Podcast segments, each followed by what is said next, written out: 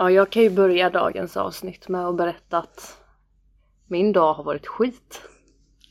Ja, ja just det. Eller den började skit i alla fall för att jag eh, ja, var redo för en arbetsdag 07.00. En givande start på en ny vecka full av spännande utmaningar.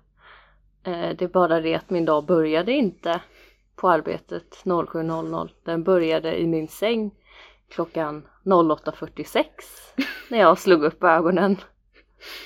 Och snabbt de där första mikrosekunderna av sömnparalys tänkte Har jag försovit mig? Jag jobbar inte jag idag? Vad gjorde jag? Så fick jag panik. Och det var en jättedålig start på dagen. Men jäklar vad snabb du var ändå. Mm. Du var ju liksom på jobbet riktigt fort. Man är aldrig så snabb som när man har panik. Nej, Mm. sant. Eller ibland kan det Eller när man är sen. Ja, nej. Mm. Nej, det, exakt. Jag är aldrig så långsam som när jag har goda marginaler. Mm. För jag vet ju att jag kan vara tidsoptimist. Men jag brukar ju planera utifrån det. Och när du Eh, säger tidsoptimist då är inte du en tidsoptimist som jag. Som behöver vara på flygplatsen. Nej men du är, du nej det är skillnad för du är ju lite, Stört så. ja men du är ju lite neurotisk Ja, i att du är verkligen. rädd att komma sent. Jag är inte på det sättet Nej. utan jag är medveten om, eller jag är avsiktligt alltid i sista sekund. I alla fall när det kommer till jobb, kanske inte till resor och sånt. Nej. Så då är jag i en, en rimlig, inom en rimlig tidsram. Men typ jobb, för jag känner att varför ska jag stämpla in en halvtimme innan Nej, det och göra bra. ingenting? Nej. Nej, då vill jag komma i sista sekund, i tid, men när jag börjar. Men jag vet ju också att när jag kommer till att göra sig i ordning och sånt, att jag är lite tidsoptimist. Inte för att jag är en sån som gör mig i ordning så mycket, utan bara för att jag vill kunna ta det lugnt. Och att jag alltid liksom fastnar i olika saker. Mm. Problemet är bara att ju mer tid jag har, desto långsammare är jag. Det Jag slutar ju ofta igen. ändå med att jag får skynda.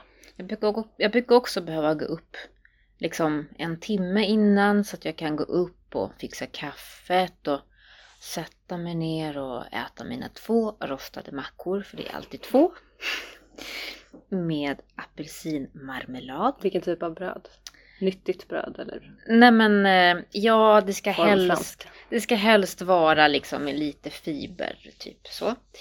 Ehm, Med marmelad på. och ja, så att det kompenserar upp det. apelsinmarmelad fast utan smör. Så inte katrinplommonmarmelad Nej. då? Vadå, du har inte Apelsin. smör under? Du måste ha Nej. smör under marmeladen. Apelsin eller ingefäramarmelad, det är jättegott. Och sen ska jag dricka min kaffe latte.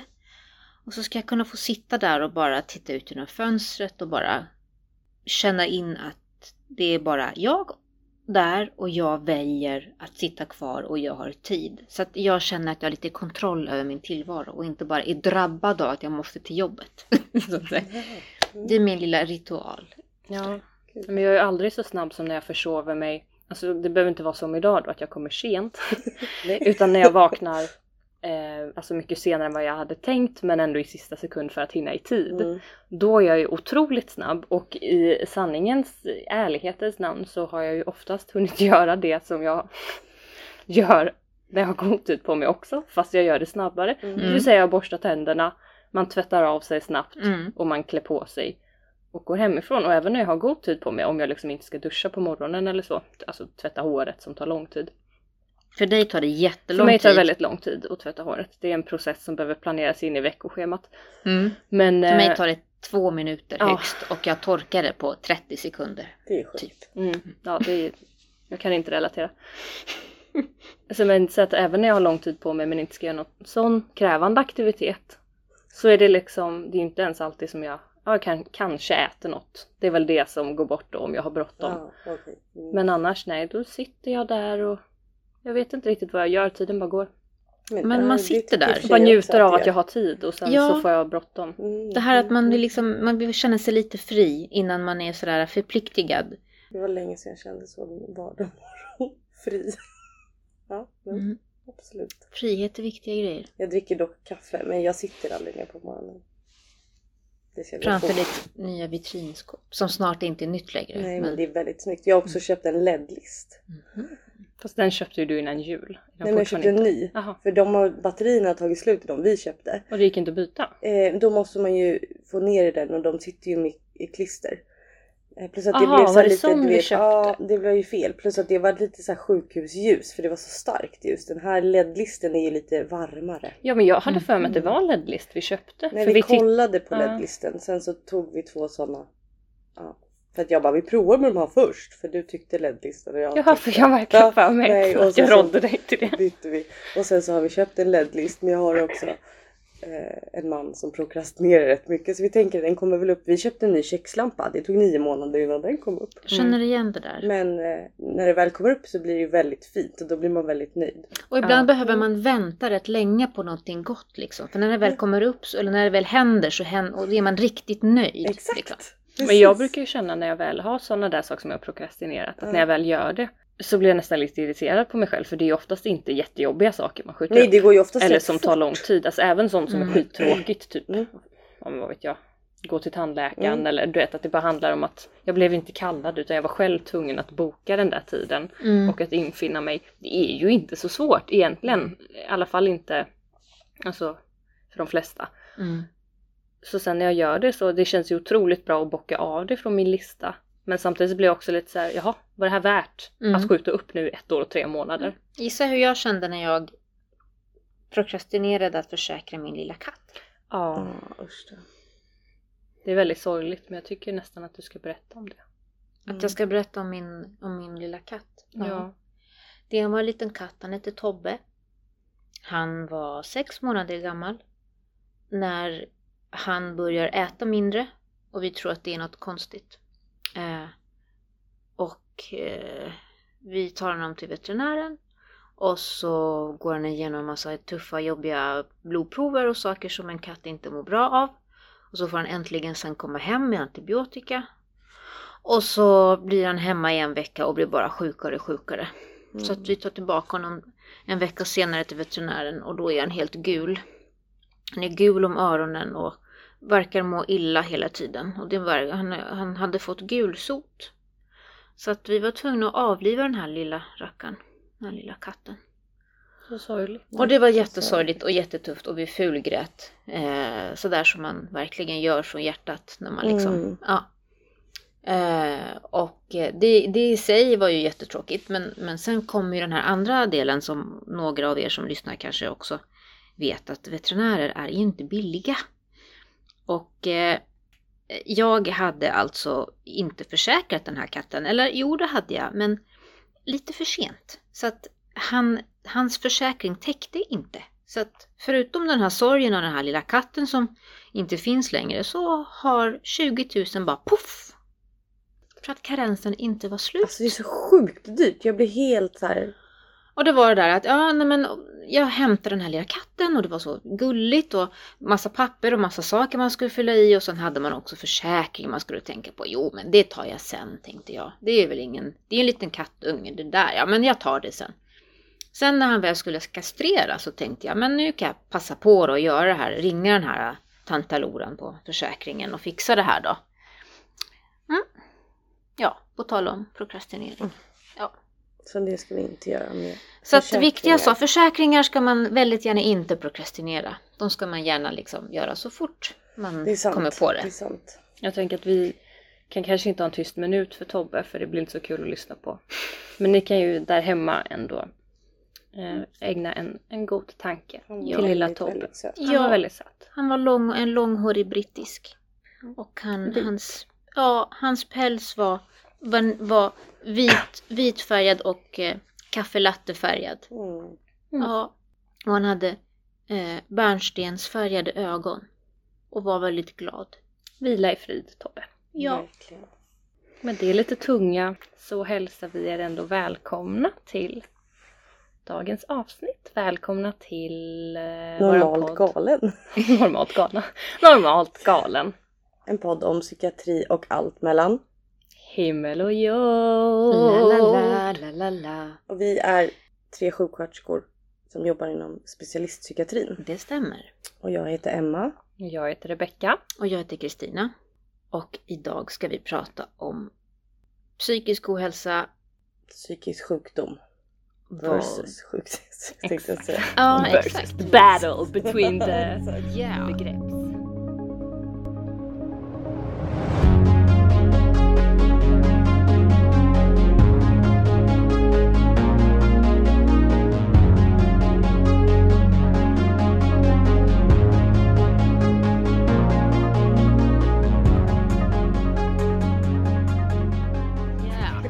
Queen, Ja, of course. Exakt. Men då- jag, jag tänker för att vi innan vi spelade in förra avsnittet som var tvångsvård.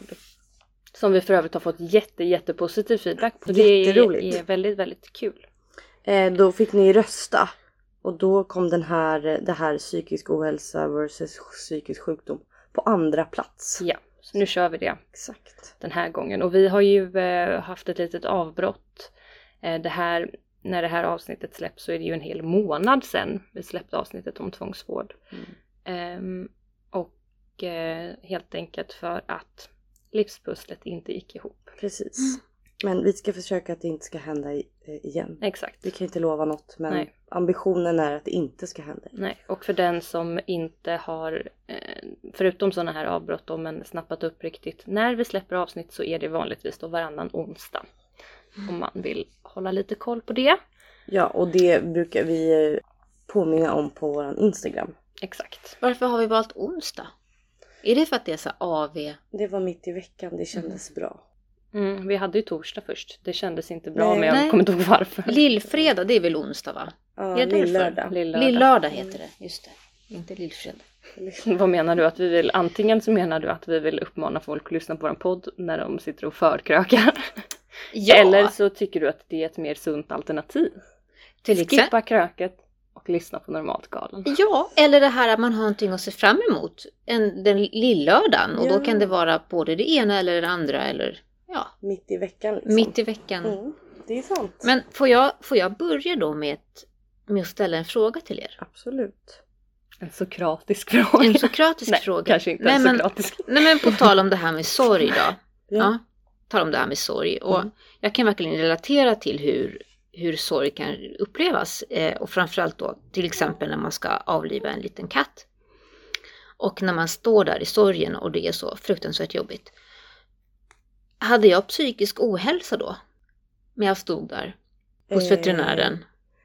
Och när jag sen kom hem och det var liksom jobbigt och jag satt där och tyckte att det var jobbigt. Eh, Det kändes tomt då. Eh, Det kändes orättvist då. Det kändes som om jag var särskilt drabbad på något sätt då. Jag var väldigt ledsen över den här bortgången, för det här lilla livet som försvann. Vad jag, hade jag psykisk ohälsa då? Du tänker att jag ska veta det rakt på rak arm här. Mitt, eh, mitt snabba svar är nej. Varför Du inte? var jätteledsen. Men för att du är... Jag vet inte varför. Ja men varför? Ja. Ja. vad, Nej vad svårt! Ja. Nej men mitt spontana svar är nog nej. Att jag upplever inte att man är ledsen i samma sak som har psykisk ohälsa. Det kan vara. Ja men det kan vara, men jag tänker att nu är du tillbaka, du jobbar, du är tillbaka på jobbet, du kan ändå fungera i vardagen även om du fortfarande är ledsen för Tobbe. Så, så ditt liv flyter ändå på. Kan jag inte ha så här känna sorg men fortsätta funka? Så att jag, fortfar- jag har någon Jo. form av psykisk ohälsa men jag kan fortfarande... Men är att känna sorg psykisk ohälsa? Men vad är psykisk ohälsa då? Om detta tvistar de lärda. Mm. Alltså jag tänker att å ena sidan, Jag, jag är lite delad för att å ena sidan mitt spontana svar är också nej. Mm. Ehm, för att även om du var ledsen så var det heller inte så att det kanske utlöste någon liksom djupare kris i ditt liv. Att, ehm, även om det liksom är sorg över att Tobbe är borta och att han behövde lida och så. Ehm, så precis som du sa Emma så har detta inte på något sätt ehm, orsakat någon form av avbrott i ditt dagliga liv eller påverkat dig mer än liksom känslomässigt på ett hanterbart plan. Ehm, så på det sättet så tänker jag nej. Å andra sidan så kan man ju också se det utifrån att alltså om man tänker hälsa i stort, eh, oavsett om det är psykiskt eller fysiskt, om vi ska gå in på liksom det ja, men du vet, som man lärde sig under grundutbildningen, är vårdvetenskap. Och då finns faktiskt en bland alla ehm, olika formuleringar av vad som är hälsa och så. Det här kommer ni ihåg, ni fick säkert också lära er hälsokorset. Mm. Just det. Och den, även om det liksom, jag Mm. blir lite såhär, "Ugh, hälsokorset. Egentligen så tycker jag att det är vettigt. Och hur ska man förklara hälsokorset för någon som inte vet vad det är? Ja, jag tänkte, jag satt precis och funderade på så här, Om, om ni föreställer er ett kors eh, så är liksom en av pinnarna, om vi tänker pinnen uppåt då på korset, ja, jag vet inte om de ska vara en sär- särskild ordning men eh, Lod, Skitsamma. det lodräta. Exakt, Ja. eh, i toppen av det lodräta strecket då så har vi eh, din, eh, din egen upplevelse av hur du mår, om du känner dig frisk.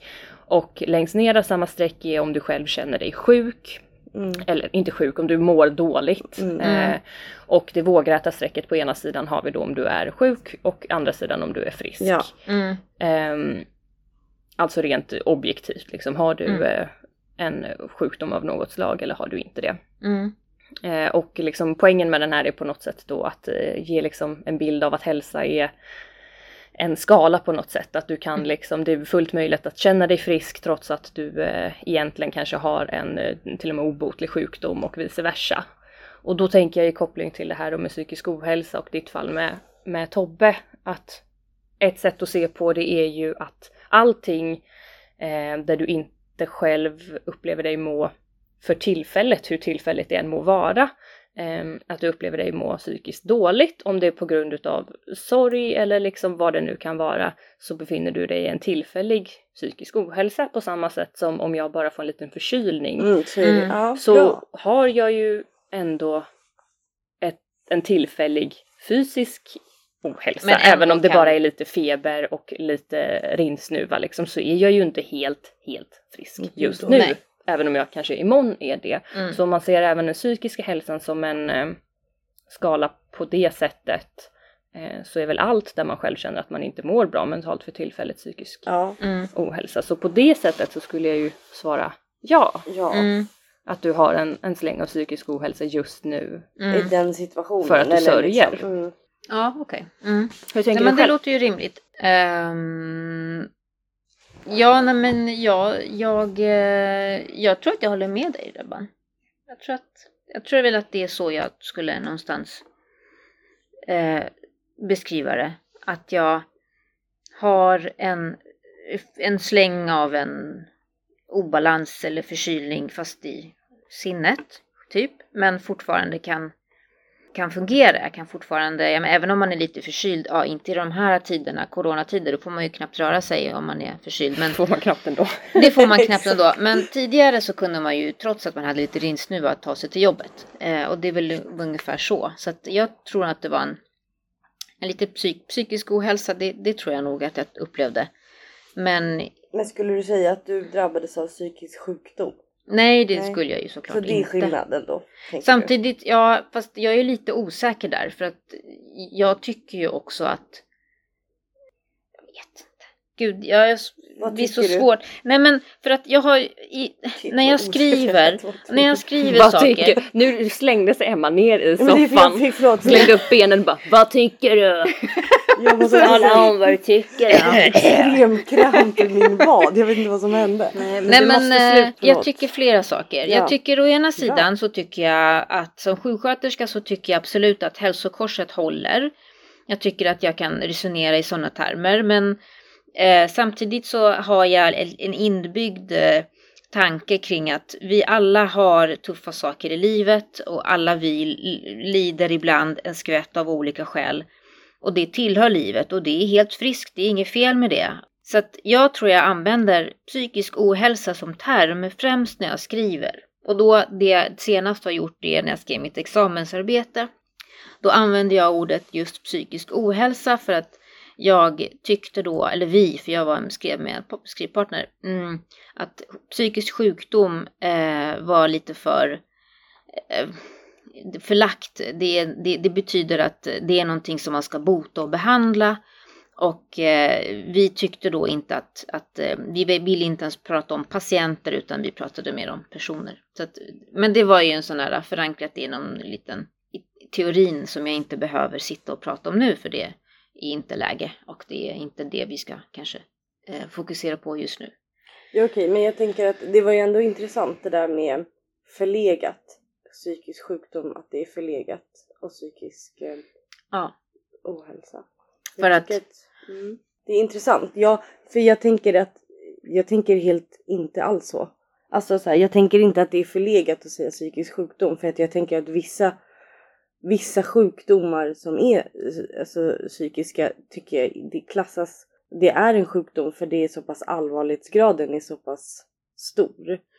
Men att, att ha en förkylning i själen kan ju vara psykisk ohälsa men det klassas inte som en psykisk sjukdom. Alltså om jag bara tänker hur jag funderar på det.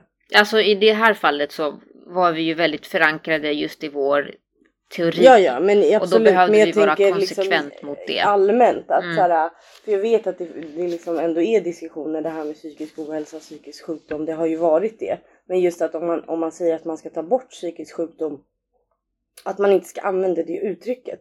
Tänker jag att de som faktiskt lider av en allvarlig psykisk sjukdom, varför, de gör ju det. Det är ju som att säga att eh, man mår eh, fysisk ohälsa. Alltså fysisk ohälsa istället för att säga att någon har en cancerdiagnos. Det skulle vara jättekonstigt. Alltså om man nu, eller? Det finns ju en rörelse i världen som vill ta bort psykiatriska diagnoser rakt av. Ja. Du får ju utveckla. Ja, ja. Nej ja. men det är som, inte tycker att... Men va, okej. Eh, som Varför då? för att... ehm, för att diagnosen bara är en lista på olika symptom. Men det i sig inte behöver, inte hjälper patienten i återhämtningsprocessen alls. Och, eh, och att jag kan ha lida av en psykisk, eller lida av en diagnos. Och du Rebecka kan lida av exakt samma diagnos. Men våra förutsättningar för att må bättre skiljer sig radikalt. Eh, och eh, våra resurser skiljer sig på olika sätt och vi har helt andra möjligheter omkring oss. Så att varför ska man då överhuvudtaget ha en diagnos? Det är det spontana som jag tar från det jag kommer ihåg. Mm. Mm. Just ja, nu. Mm. Sen behövs ju sjukdom, sjukdomen, diagnosen för att i vårt system som det fungerar nu, i hälso och sjukvården som den fungerar nu, så måste man ha diagnos för att kunna få rätt hjälp. I många fall i alla fall. I många fall. Mm. Mm. Det skulle vara intressant att prata med, jag tänker med folk som har Alltså just det här har jag inte pratat med patienter om så här, tycker du att det känns, skulle du känna dig mer bekväm i att vi sa att du hade psykisk ohälsa än att du lider av en psykisk sjukdom? Mm. Alltså så här, vad, vad folk tänker. Sen tror jag att det är mer stigmatiserande att säga psykisk sjukdom än psykisk ohälsa. Men allvarlighetsgraden i det hela känns ju som att man bag... jag, jag, jag tänker att liksom, för min egen, eller vad, det första spontana är att man nästan bagatelliserar, om någon lider av en allvarlig psykisk sjukdom, att det nästan blir att bagatellisera den när man bara kallar det psykisk ohälsa. Eller förstår ni vad jag menar? Ja, jag, Alltså, jag håller med. Jag tycker att på något sätt ehm, att psykisk ohälsa som begrepp behöver inte vara dåligt. Eh, och att även om man har en, alltså det är klart att har du en psykisk sjukdom så lider du också av psykisk ohälsa, men att det på något sätt eh, när man enbart använder ett så brett paraplybegrepp där man innefattar allt ifrån väldigt tillfällig psykisk ohälsa, eh, ja men att du har en, eh, ja, det måste inte vara tillfälligt men i detta fallet då till exempel en tillfällig eh, utmattningsdepression som du får liksom god behandling och återhämta dig väl ifrån. Eh, eller att du hamnar i en eh, väldigt liksom, stor kris i samband med en separation till exempel och, och blir nedstämd för ett tag men faktiskt eh, kommer upp på banan igen och eh, livet eh, pusslar ihop sig höll jag på att säga, det pusslar inte ihop sig av sig själv men ni förstår vad jag menar. Mm, ja. Eh, att man har enbart ett och samma paraplybegrepp för den typen av tillstånd och även då vad jag väljer att kalla för sjukdomar, men allvarligare tillstånd som mm, liksom, människor behöver förhålla sig till för resten av sitt liv. Eh, om du till exempel har, är bipolär eller du har en, eh, en psykossjukdom eller liknande där du även om du kanske inte är sjuk hela tiden emellan dina skor så behöver du förhålla dig till din sjukdom för att inte återinsjukna. Eh, och den kommer påverka ditt liv i olika aspekter så länge du lever även om du kanske eh, har, har liksom turen då, eller vad man ska säga, att inte behöva bli, få ett allvarligt skov igen. Och då tänker jag också att det kan bli eh, eller jag vet att jag har tagit del av, av människor som lever med den typen av diagnoser som, som upplever det bagatelliserande. Så, samtidigt som det säkert finns, eller givetvis finns också på andra sidan de som tycker att det å andra sidan blir ett stigmatiserande Mm. begrepp. Sen vill jag minnas nu när vi sitter och pratar om det här att diagnoser de skiftar också i tiden. eh, någonting som per, en, historiskt kunde vara en diagnos försvinner sen och så kallas det för någonting annat. Eh, och då tänker jag också, om vi befinner oss i en värld som, om vi tänker schizofreni, som då anses vara en av de svårare sjukdomarna, vi säger så. Mm. Om vi befinner oss i ett sammanhang, sammanhang där en person lider av den här sjukdomen men ingen i det sammanhanget vet vad sjukdomen betyder, alltså Mm. vad schizofreni betyder. Mm. Så är det ju snarare att personen hör röster och personen ser saker som gör att den blir distraherad och inte kan utföra sina uppgifter och inte kan ja, eh, fullfölja vissa handlingar. Det som är det jobbigaste för just den personen. Mm. Mm. Det är ju inte sjukdomen i sig, det är ju rösterna och Men alltså de är ju ett symptom av en sjukdom. Ja, Ja. det är de. Det är de ju.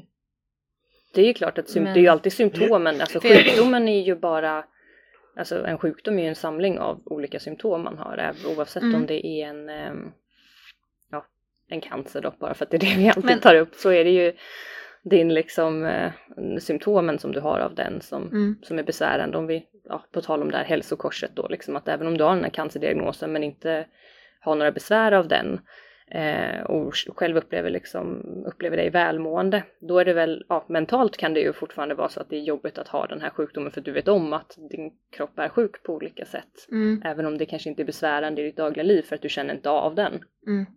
Och tänker det är ju såklart samma sak då, men tänker du då Kristin att en person då som har eh, schizofreni till exempel och kanske har varit helt symptomfri under många år, alltså inte har besvär av sin eh, schizofreni, att den ändå ska lida av att, att ha diagnosen Mm. schizofreni även om den inte har, hör röster eller har andra eh, Ja, symptom av sin ja, sjukdom. ja.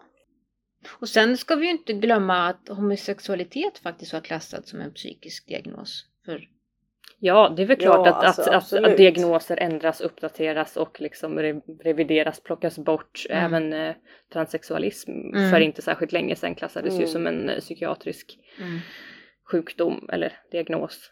Ehm, så det är ju någonting jättebra och även liksom kriterier som Mm. justeras typ i eh, emotionell instabilitet till exempel ska de ju till nästa upplaga av DSM-5, alltså diagnosmanualen som ehm, där de psykiatriska diagnos, eller inte DSM-5 utan det blir väl det- DSM-6 då, revideras eftersom att de har liksom någonstans konstaterat att de nio diagnoskriterier som finns eh, ger liksom upphov för allt för många olika kombinationer av symptombild som gör det alldeles för miss... Alltså typ Mm. att du kan ha en och samma ja, diagnos precis. men har så liksom vitt skilda Ja. besvär av Mm. din diagnos att det ja, blir det- missvisande typ. Så, så det tycker jag är jättebra. Ja. ja, alltså det tycker jag också är jättebra. Att man ändå... Men jag, jag tänker bara att det kan... Jag tänker bara att om vi skulle kalla allt psykisk ohälsa då är det också... Då känns det som att det också blir svårare att skilja hönan från ägget. Eller förstår ni? Alltså, jag tycker att, alltså att din förkylning i själen kan man, kan man inte jämföra med en, en lång sjukdom som man faktiskt kan bli symptomfri från men man kan inte bli frisk ifrån den. Jag, jag bara, det är min liksom spontana tanke på det. Att sen, sen kanske båda just i den stunden kanske båda lider, deras upplevelse att de lider är lika stor.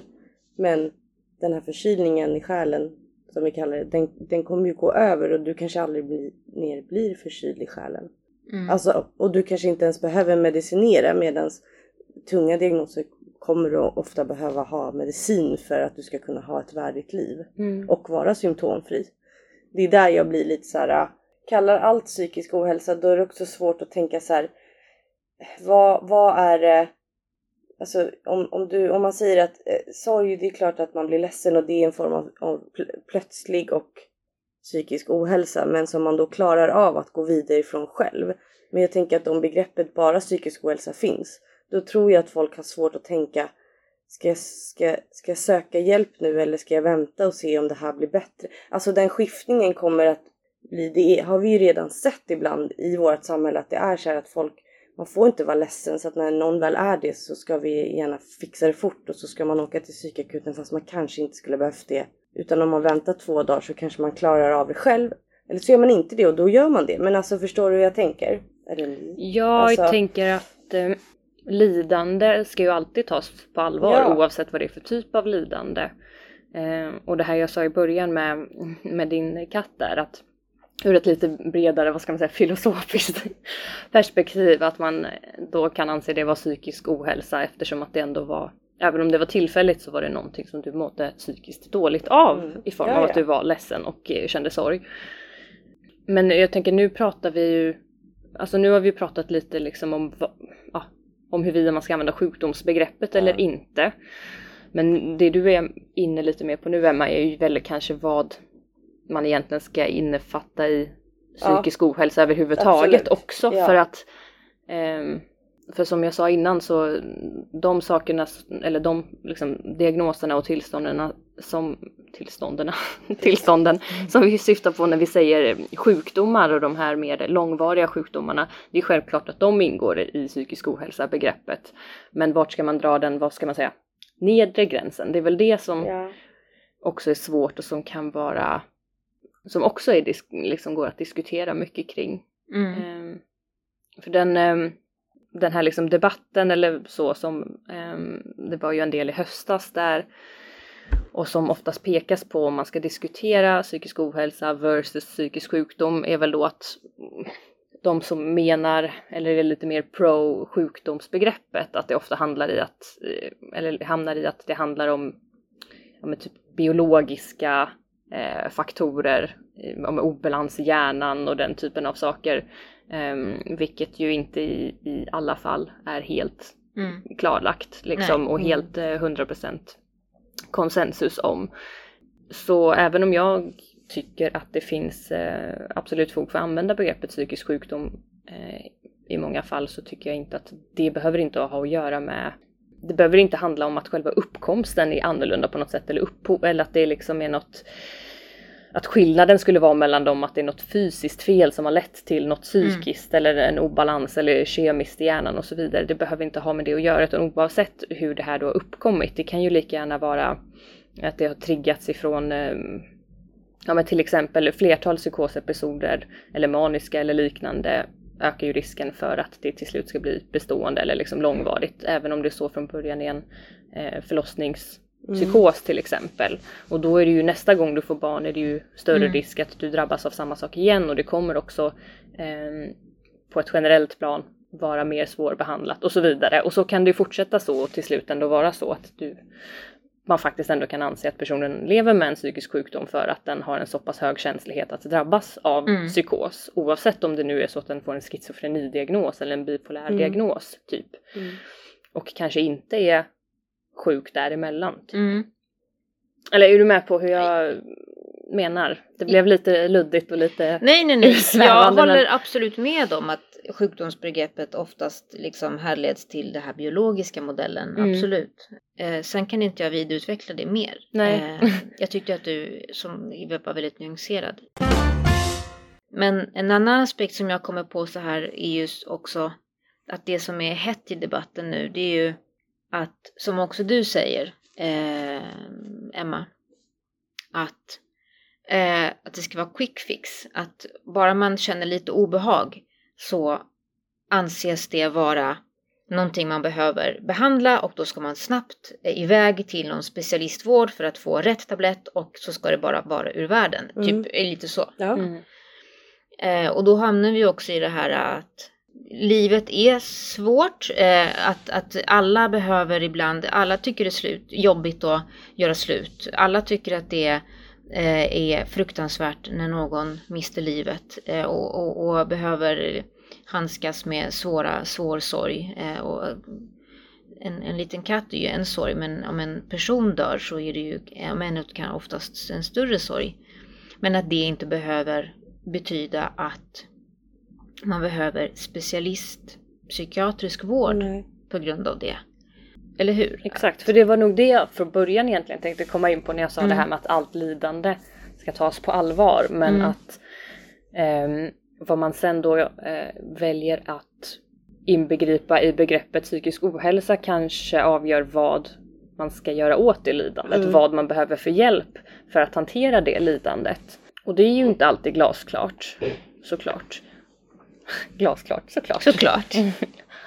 Nej men, Nej För men det är det nu- jag tänker också. för vi, vi arbetar ju inte i första linjens psykiatri i det mån att vi jobbar inte på psykakuten. Vi, Det är inte första Vi jobbar, linjens vi jobbar Nej, inte just det, vårdcent- just det. på vårdcentral. Förlåt, vi jobbar inte på psykiatriska akuten. Alltså där, där Nej, utan Nej. första linjen är ju vårdcentral. Det Det är vård. primärvård. Exakt, vi jobbar inte i primärvård och vi jobbar inte heller på psykakuten. Så vi möter inte, en bedömning har redan gjorts när vi möter våra Ja. patienter. Absolut, så är Så det. att det finns någon innan oss som har pratat med den här personen och bedömt den här personen som lider så pass mycket psykiskt att den behöver vård för Mm. det. Eh, Men vi inom psykiatrin, vi har jobbat inom psykiatrin rätt många år, alla av oss, Mm. alla tre här. Vi, må, ja, rätt många år vad det, det betyder, men vi upplever i alla fall att vi har erfarenhet nu och känner oss varma i kläderna. Och vi jobbar ju i ett sammanhang med, med skötare som har jobbat, jobbat flera, flera, flera, många, många, många år, år fler än oss, vi. Mm. Och vi pratar ju ofta om, nej men den här personen är nog till inte så sjuk längre. Den, här personen kan nog eh, skrivas ut. Och vi till exempel, eh, och så brukar vi prata om, den här personen lider nog av en, är riktigt, på riktigt sjuk. Medan den här personen snarare inte är riktigt sjuk på det sättet utan kan nog skrivas ut. Alltså vi pratar ju jätteofta, dagligen om vad som är så att säga sjukt och vad som vi tycker inte är sjukt. Mm. Det har vi ju gjort i typ åratal, hela tiden, eller? Det känns som att det är inte, det är inget sånt där att vi har uppfunnit hjulet nu, utan det är ju något, eller hur? Som, Nej, alltså det pratar vi, det håller jag med om. Vi pratar ju ofta om det. Men det är ju inte heller, ni med det sagt, det är inte så att vi förringar den personens upplevelse som vi säger då inte är lika sjuk som någon annan. Men, nej, men så är det ju också i sjukvård. Ibland måste man också ställa i att även om du upplever just nu att du mår jättedåligt så upplever vi ändå att du kanske inte behöver akut psykiatrisk heldygnsvård för det även om du mår dåligt. Och det handlar ju inte om, men jag tänker just om man då ehm, som Rebecka var inne på det här med var ska vi dra gränsen vad psykisk ohälsa är. Att, så här, eh, att samhället också skapar då att som du säger det här med att man om man mår lite dåligt i en kväll, på en, en kväll så mår man lite dåligt. Då är det no, någonting som säger att då måste du ha hjälp direkt och det måste åtgärdas direkt för du måste må bra direkt. Jag tänker att glapp, vilket jag upplever ändå på de åren jag har jobbat som du säger ändå, ändå snart i tio år i psykiatrin, att det är glappet. Alltså från att om, om, om man känner sig ledsen. Ja men vi, vi tar som exempel att, att när min första kille gjorde slut med mig på riktigt, då var det så här, jag vill inte leva. Alltså det, det, känslan var, jag kommer inte överleva det här. Alltså du vet man fulgråter i flera dagar och känner jag kommer aldrig klara det här. Det här kommer aldrig bli bättre. Så säger någon så här.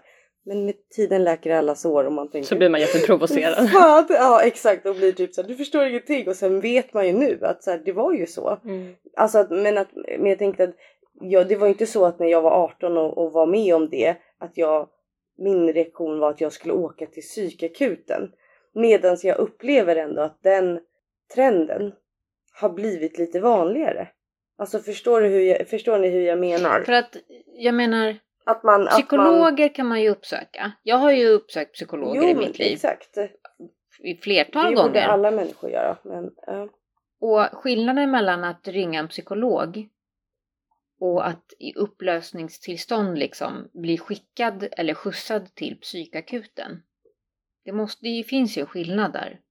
Jag har ju än så länge inte haft hamnat i det läget att jag har behövt bli skjutsad eller fått hjälp till psykakuten så. Jag vet inte om det all, någonsin kommer att hända mig, men, men psykologer har man ju kontaktat. Jag, jag, tänker det är svårt, jag tänker att det är svårt att få en nyanserad bild för jag tänker att det är alltid någon som kommer, det här med jag säger att den trenden att jag tror att man kanske lättare åker till psykakuten för att man inte, man är så i upplösning att man vet inte vad man ska ta vägen och då tänker jag det är klart att man ska göra det om man känner så här, jag vill inte leva längre, jag kommer att gå och hoppa. Ja absolut att du ska åka och söka hjälp. Men det, liksom, för det finns ju såklart krisreaktioner på att det kommer, så kan det vara. Men om den här känslan är att jag orkar inte leva fast man vet liksom någonstans i bakhuvudet att det är en känsla men jag kommer aldrig agera på känslan. Att man ändå ska kanske låta det gå typ två, tre dagar och se så här, okej men kommer jag upp och duschar? Kommer jag, alltså ge det lite tid. Ibland tror jag att vi, vi är så stressade i samhället att vi inte ens, vi kan inte ens ge den, den sorg. Det är klart att det är en sorg om man blir ledsen för att någon går bort eller att någon gör slut eller någon, att man drabbas av en kris. Men att låta man, att man måste få vara ledsen. Det är lite det jag menar, att man inte behöver känna att det är något fel på mig för att jag känner så men det, det blir ju farligt om man får sådana tankar och sen börjar fundera på att man faktiskt ska planera att man går och gör det. Det är en jätteskillnad.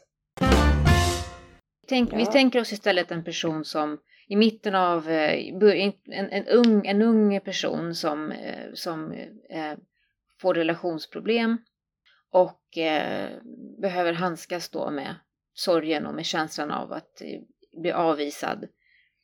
Eh, och, och, och det är i samband med att också den personens personlighet utvecklas. Och, och jag vet ju själv att jag blev en jag är en rätt så malinkonisk person. Jag upplever i alla fall mångt och mycket att jag kan bli det. Melankolisk, malinkolisk, me- melankolisk, ma- melankolisk person. Eh, och det tror jag mina föräldrar ibland har varit oroliga för. Att jag har eh, haft periodvis få vänner, eh, periodvis eh, Mm. inte tyckt att saker var, var så roligt som man förväntar sig att en ung person ska tycka. Ja men, Men, och, och, det, och, och det kanske var, i det fallet så, jo, men så- det är också en personlighetsdrag. så blir det ett Alltså personlighetsdrag. förstår du, det är ju, du, du är ju också sån. Du kommer ju kanske aldrig bli den här klatschiga hyperpersonen som står och så här ah nu är det fredag, fy fan vad trevligt. Alltså det kan, det Mm. alltså du kanske har det personlighetsdraget. Det är inte psykisk ohälsa att man är lite, att alla är olika. Men är det så att man har hamnat i ett läge nu i samhället att man för minsta lilla behöver Alltså jag lyssnade på någon, ehm, jag kommer, det här var flera månader sedan nu, kommer jag verkligen inte ihåg om det var en dokumentär, om det var en podd, om det var en, och jag kommer tyvärr inte ihåg vem, men det var någon, eh, ja, en kunnig person som var intervjuad. Nej men jag vet, jag kommer inte Ja, ihåg vad hon hade för befattning eller inte. Det här är ju ja, bra, bra liksom hänvisning Rebecka. Alltså jag lyssnade på en en gång, minns inte vem det var. man vara i alla fall expert? Hur som helst Mm. så hade hon ett resonemang när de diskuterade detta kring att å ena sidan så finns det jättemånga fördelar självklart med att det diskuteras mer, i mer liksom öppenhet kring att må psykiskt dåligt Mm eh, och om psykisk ohälsa eh, och om att känna ångest och om att liksom eh, så, allt vad det kan vara.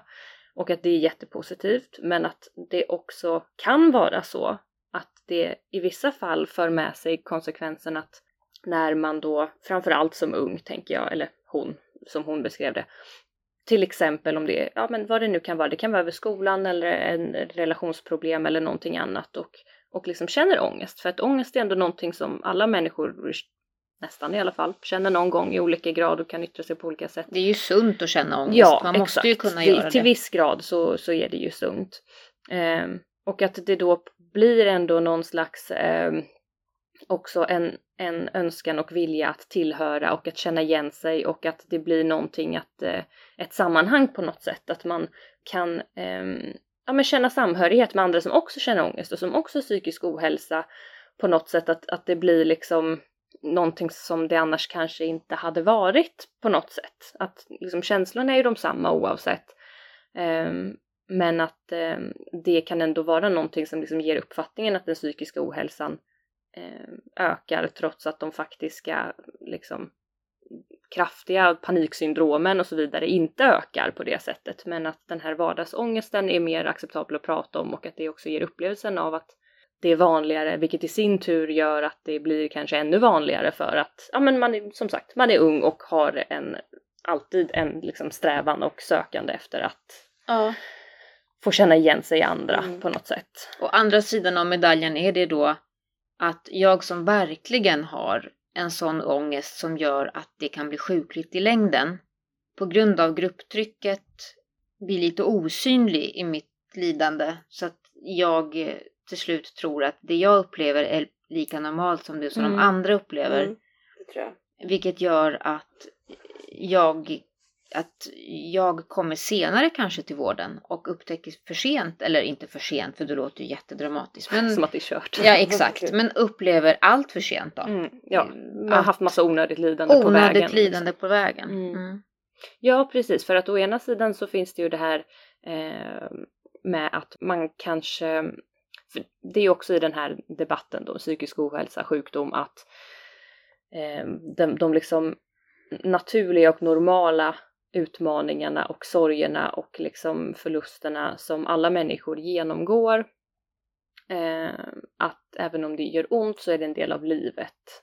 Och att det är på något sätt att man, man kan få uppfattningen av att det är, in, att det är ja, inom citationstecken onormalt. Att det är fel att känna så och som du var inne på Emma, att det behöver fixas, det behöver lösas. Och det behöver inte vara man själv som känner så, det kan vara föräldrar eller Ja, det ja, kan vara precis. och också att den här, um, en ytterligare liksom aspekt på tal om det här med att det är positivt med öppenhet och att det pratas mer om psykisk ohälsa. Att, eh, till viss mån, eller i vissa fall så kan det ju säkert också vara så att liksom, på något sätt ju mer det pratas om något och ju mer du frågas om något och ju mer någon liksom så hittar du någonting där att så här, om jag kommer fråga dig liksom fem gånger i veckan Kristina om du har ont i magen så Mm. kommer du till slut komma på att du kanske idag har kanske lite ont i magen ändå. Ehm, att det, Man identifierar sig kanske i det som de, Ja. i andras förväntningar. Alltså jag tänker att det kommer som sagt i den här podden, det kommer ju inte vara ett svar. Alltså vi har ju inget svar på det. Det var ju bara Mm. att, mm, eller liksom vi vill ju bara lyfta det och liksom prata om vad vi tycker och tänker. Vi tycker också lite olika. Vilket är lite trevligt att diskutera då. Eller liksom, mm. inget är ju rätt eller fel. Och vissa av de här sakerna vi nämner är inte sånt vi tycker heller, men alltså nödvändigtvis, Mm. utan Nej. bara sånt som är olika sätt att tänka och resonera kring det Mm. som eventuellt andra har tyckt. Eh, Exakt. Så möjliga sätt att se på det, även om inte allt kanske är representativt exakt för vad vi själva tycker. Det är inte alltid lätt att veta vad man själv tycker i sådana här svåra frågor. Nej, det är ju inte svart eller Nej, vitt. alltså de Nej. här, det här är ju en sån stor fråga som Ja. är liksom Så att Och Då- ena dagen tycker man en sak och sen en andra dag också. Alltså att det Exakt. liksom fluktuerar lite för att man får andra perspektiv tänker jag också. Men då är det ju också läge att uppmuntra ni som lyssnar att jättegärna skriva kommentarer och era reflektioner och DMa Mm, det, verkligen. för att det skulle ju vara superkul och ta Mm. del av vad ni Och tänker. kunna liksom eh, svara på frågorna eller funderingar som någon Mm. har ställt. Och ta upp i podden. Exakt, liksom för vi så. pratade ju om det att vi Ja. kanske, kanske inte ett helt avsnitt, men att vi i, jag kan inte lova att det blir nästa avsnitt, men i något av de nästkommande nära avsnitten ska ha lite svara på frågor. Mm, Och då kan det vara lite om vad som helst, det måste inte vara om just det nej. avsnittet då eftersom vi inte vet vilket avsnitt det blir. Men att när du hör detta, om det är någonting som du har eh, tänkt på antingen kopplat till detta avsnittet eller något av våra tidigare avsnitt, Mm. att slänga iväg en fråga så kommer vi inom kort i alla fall att ha en liten, eh, Frågestund. En liten frågestund. frågepodd. exakt. Och då är man självklart anonym. Vi Ja, ja. läser ju bara upp frågorna, inte vem Mm. de är Och ifrån. det kan handla om precis vad som helst. Eller ja, Mellan himmel och jord. allt mellan himmel och Som jord. slogan så fint Absolut. heter. Absolut. Ja. Och nu till Våran lilla grej. Jag hatar när vi säger så. Jag vet, veckan. Jag kommer fortsätta med det. dagen. Avsnittet citat. Ja, förlåt. Just det, avsnittet citat. I detta fall månadens citat. Vem hade kunnat tro? Nej vänta. Jo. Vem hade kunnat tro att den mest efterlängtade kroppen inför Beach 2021 skulle vara antikroppen? Det tycker jag var roligt. Och med det sagt. Så kommer vi komma tillbaka med ett nytt avsnitt innan sommaren så jag behöver inte oroa er för det. Exakt. Mm. Ja. Tack Ciao. och hej!